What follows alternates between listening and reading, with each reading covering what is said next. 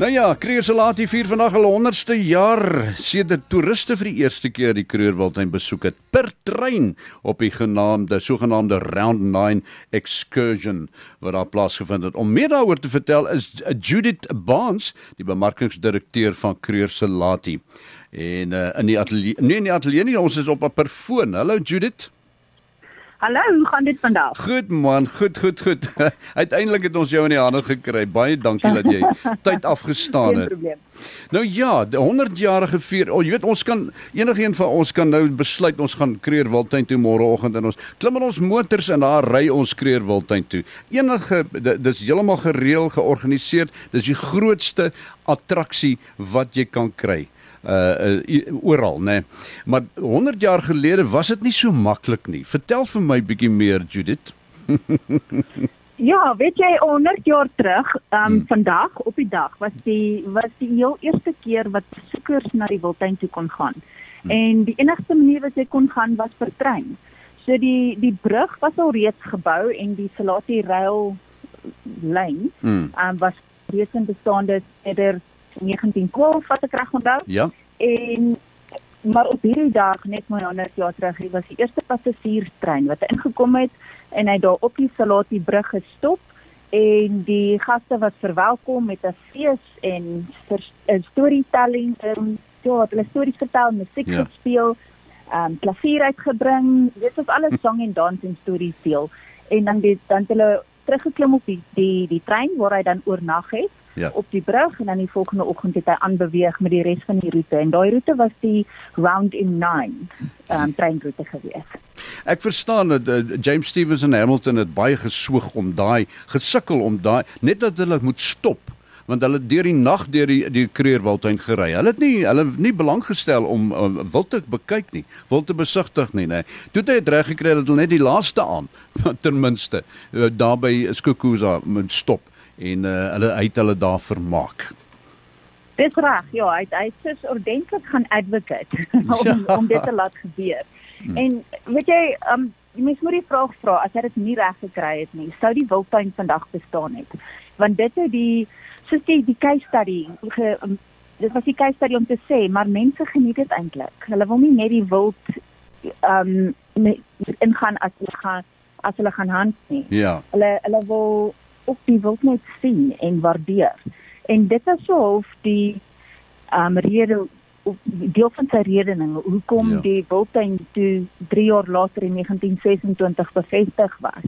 Ja. Was op daai daai vinding van hoe die mense reageer, hoe hulle dit geniet en hoe hulle dit op die einde van die dag die gunsteling stop van daai 9 dag treinrit was.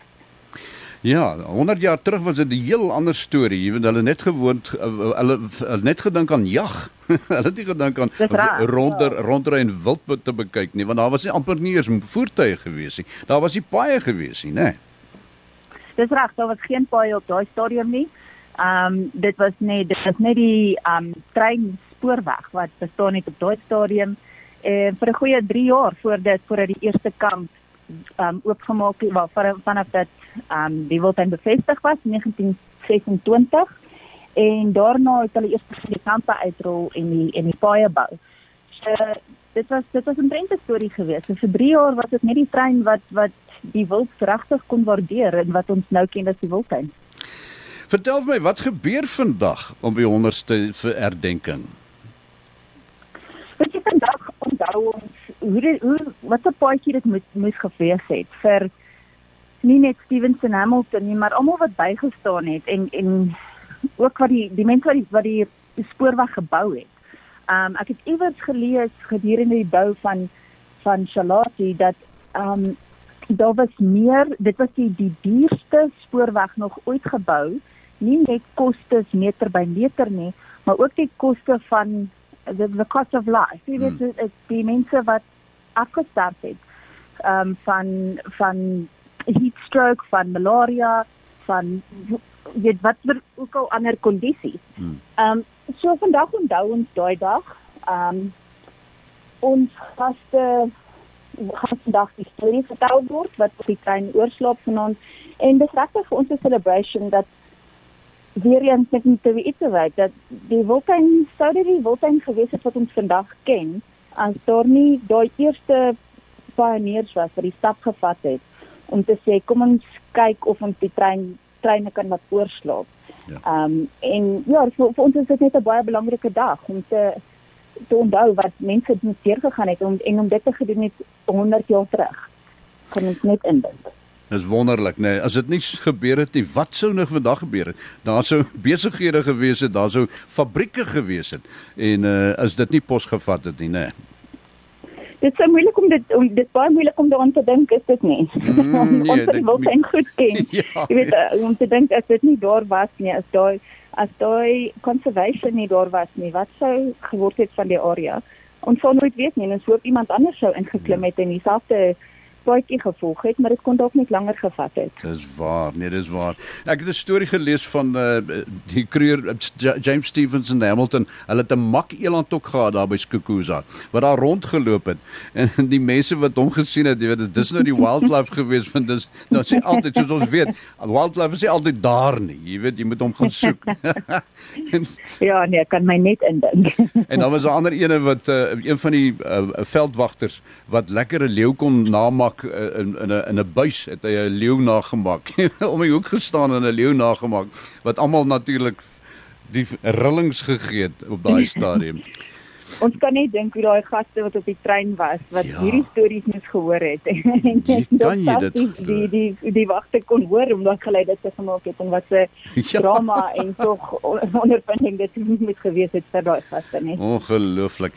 Judith nou ja vanaand is daar 'n spesiale ding in die op die trein of uh, nie uh, julle gaan nou die storie vertel vanaand op die trein vir al die gaste nê Ja ja en en wat ons ehm um, wat ons begin doen het in die laaste paar maande en ek is seker die span op die op die grond daar gaan gaan vanaand iets spesiaals doen. Maar ons het um, wat ons noem ons trackside dinner wat so 'n celebrasie 'n celebration is um vir daai eerste fees wat die mense kon gehad het langs die brug. Um dit is ons wat noem dit um interpretation van dit. So dit dit is nie identies nie, maar dit is voorstelling, ja.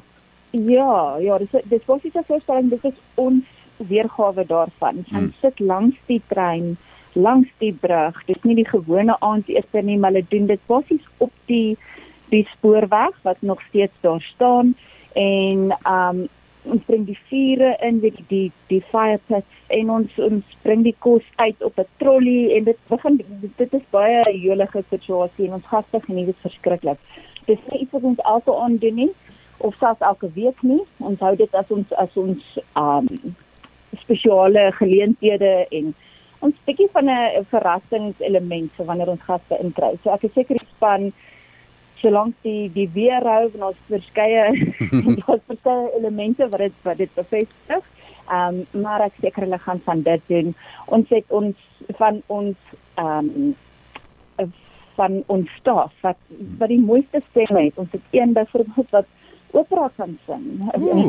en um baie keer wanneer ons hierdie die trackside dinners doen, dan sal hy uitbreek in die mees wonderlikste Pavarotti wat gesing word. Ja. Um en en ek sou ek sou dink dat dit is hoe dit was, jy weet 100 jaar terug. Dat men, mense net soos in daai oomblik, as hulle wil sing, het, het die ouens gesing of dit nou 'n gas en of dit nou 'n wagter was of een van die weet gidse wat ook al was wat ook al in die emosie is wat uitgebring word in iemand in daai oomblik is wat gebeur. En dit is baie keer wat ons ook sien met ons met ons etes weet of die mense nou begin dans of hulle saam inval met die sang dit is regtig 'n baie spesiale okasie elke keer voorware spesiale okasie. Judith eh, Baans, baie dankie. Sy is die bemarkingsdirekteur van Creer Salati en uh, dankie vir jou tyd wat jy vir ons uh, afgestaan het. En voorspoed met vanaand se verrigtinge.